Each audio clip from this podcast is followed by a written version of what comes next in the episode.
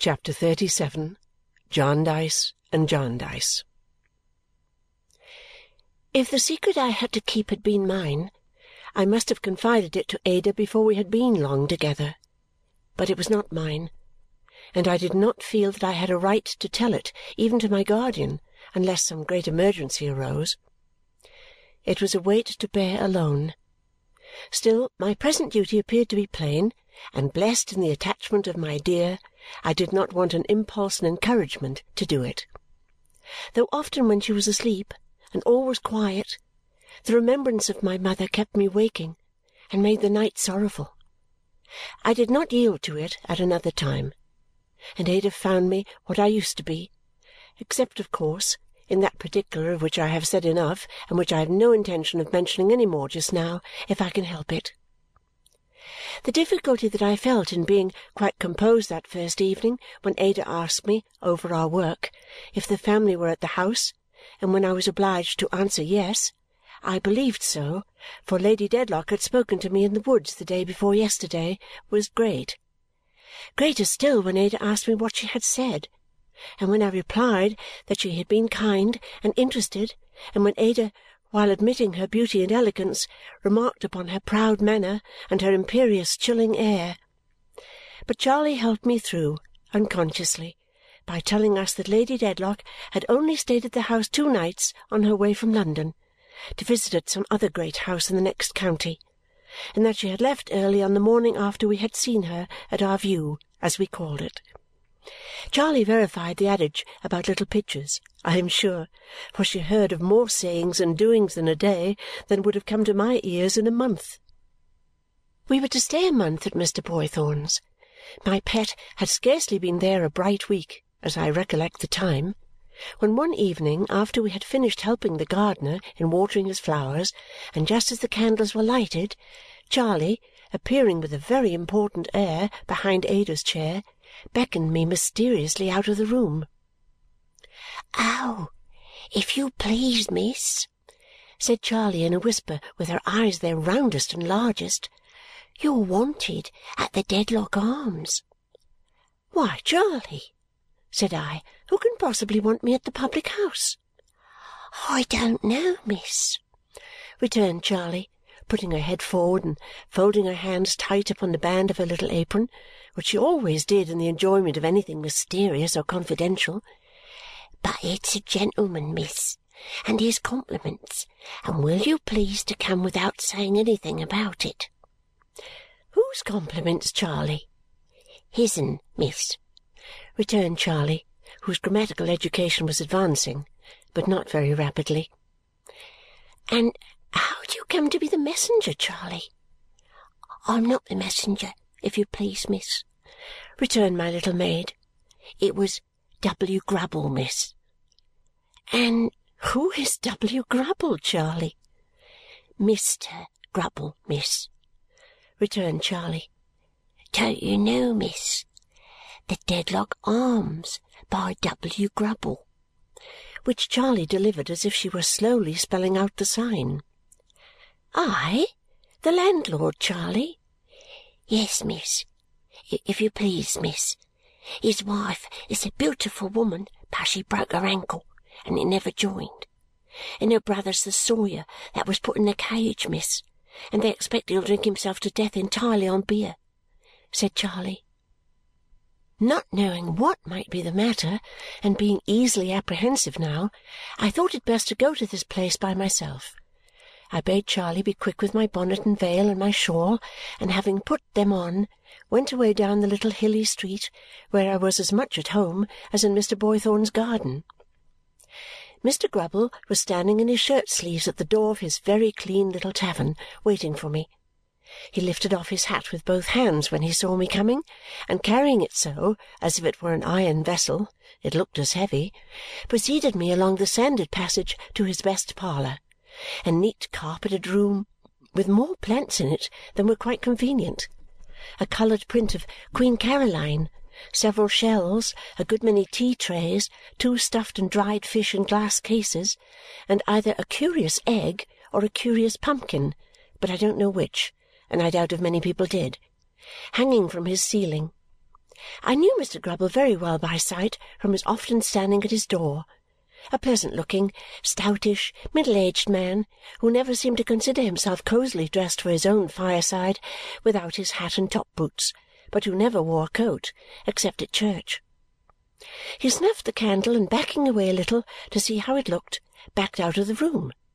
Unexpectedly to me, for I was going to ask him by whom he had been sent.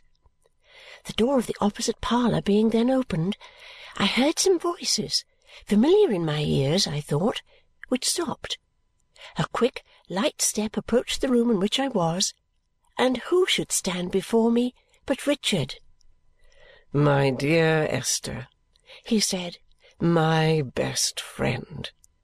And he really was so warm-hearted and earnest that in the first surprise and pleasure of his brotherly greeting I could scarcely find breath to tell him that Ada was well. Answering my very thoughts. Always the same dear girl, said Richard, leading me to a chair and seating himself beside me. I put up my veil, but not quite. Always the same dear girl, said Richard just as heartily as before. I put up my veil altogether, and laying my hand on Richard's sleeve and looking in his face, told him how much I thanked him for his kind welcome and how greatly I rejoiced to see him the more so because of the determination I had made in my illness, which I now conveyed to him. "My love," said Richard, "there is no one with whom I have a greater wish to talk than you, for I want you to understand me." "And I want you, Richard," said I, shaking my head, "to understand some one else." "Since you refer so immediately to John Jarndyce," said Richard, "I suppose you mean him. Of course I do. Then I may say at once that I am glad of it, because it is on that subject that I am anxious to be understood. By you, mind. You, my dear. I am not accountable to Mr. Jarndyce or Mr. Anybody. I was pained to find him taking this tone, and he observed it. Well, well, my dear, said Richard, we won't go into that now. I want to appear quietly in your country house here, with you under my arm, and give my charming cousin a surprise. I suppose your loyalty to John Jarndyce will allow that?" "My dear Richard," I returned, "you know you would be heartily welcome at his house your home, if you will but consider it so, and you are as heartily welcome here." "Spoken like the best of little women!" cried Richard gaily. I asked him how he liked his profession. "Oh, I like it well enough," said Richard. "It's all right. It does as well as anything else for a time. I don't know that I shall care about it when I come to be settled, but I can sell out then, and uh, however, never mind all that botheration at present." So young and handsome, and in all respects so perfectly the opposite of Miss Flite! And yet in the clouded, eager, seeking look that passed over him, so dreadfully like her. "I am in town on leave just now," said Richard. "Indeed?" "Yes. I have run over to look after my my Chancery interests before the long vacation," said Richard, forcing a careless laugh. "We are beginning to spin along with that old suit at last, I promise you. No wonder that I shook my head. As you say, it's not a pleasant subject. Richard spoke with the same shade crossing his face as before. Let it go to the four winds for to-night. Puff! Gone. Who do you suppose is with me? Was it Mr. Skimpole's voice I heard? That's the man. He does me more good than anybody. What a fascinating child it is! I asked Richard if any one knew of their coming down together. He answered no, nobody. He had been to call upon the dear old infant, so he called Mr. Skimpole, and the dear old infant had told him where we were, and he had told the dear old infant he was bent on coming to see us, and the dear old infant had directly wanted to come too, and so he had brought him. And he is worth, not to say his sordid expenses, but thrice his weight in gold said Richard. "He is such a cheery fellow. No worldliness about him. Fresh and green-hearted." I certainly did not see the proof of Mr. Skimpole's worldliness in his having his expenses paid by Richard, but I made no remark about that. Indeed, he came in and turned our conversation. He was charmed to see me, said he had been shedding delicious tears of joy and sympathy at intervals for six weeks on my account, had never been so happy as in hearing of my progress, began to understand the mixture of good and evil in the world now, felt that he appreciated health the more when somebody else was ill. Didn't know but what it might be in the scheme of things that A should squint to make B happier in looking straight, or that C should carry a wooden leg to make D better satisfied with his flesh and blood in a silk stocking. My dear Miss Summerson, here is our friend Richard said Mr. Skimpole, full of the brightest visions of the future which he evokes out of the darkness of Chancery. Now that's delightful, that's inspiriting, that's full of poetry. In old times the woods and solitudes were made joyous to the shepherd by the imaginary piping and dancing of Pan and the nymphs.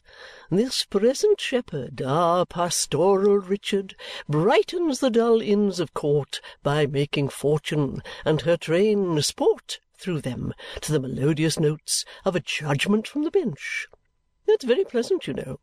Some ill-conditioned growling fellow may say to me, What's the use of these legal and equitable abuses? How do you defend them?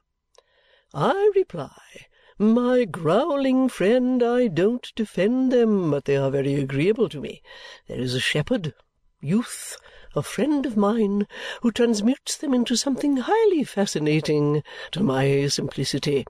I don't say it is for this that they exist, for I am a child among you worldly grumblers and not called upon to account to you or myself for anything. But it may be so. I began seriously to think that Richard could scarcely have found a worse friend than this. It made me uneasy that at such a time, when he most required some right principle and purpose, he should have this captivating looseness and putting off of everything, this airy dispensing with all principle and purpose, at his elbow. I thought I could understand how such a nature as my guardian's, experienced in the world and forced to contemplate the miserable evasions and contentions of the family misfortune, found an immense relief in Mr. Skimpole's avowal of his weaknesses and display of guileless candour. But I could not satisfy myself that it was as artless as it seemed, or that it did not serve Mr. Skimpole's idle turn quite as well as any other part and with less trouble. They both walked back with me, and Mr. Skimpole leaving us at the gate, I walked softly in with Richard and said, "Ada, my love, I have brought a gentleman to visit you." It was not difficult to read the blushing, startled face. She loved him dearly, and he knew it, and I knew it. It was a very transparent business, that meeting as cousins only. I almost mistrusted myself as growing quite wicked in my suspicions, but I was not so sure that Richard loved her dearly. He admired her very much. Any one must have done that, and I dare say would have renewed their youthful engagement with great pride and ardour, but that he knew how she would respect her promise to my guardian. Still, I had a tormenting idea that the influence upon him extended even here that he was postponing his best truth and earnestness in this as in all things until Jarndyce and Jarndyce should be off his mind. Ah, me! What Richard would have been without that blight, I never shall know now. He told Ada, in his most ingenuous way, that he had not come to make any secret inroad on the terms she had accepted, rather too implicitly and confidingly, he thought, from Mr. Jarndyce, that he had come openly to see her and to see me and to justify himself for the present terms on which he stood with Mr. Jarndyce. As the dear old infant would be with us directly, he begged that I would make an appointment for the morning when he might set himself right through the means of an unreserved conversation with me. I proposed to walk with him in the park at seven o'clock, and this was arranged. Mr. Skimpole soon afterwards appeared and made us merry for an hour.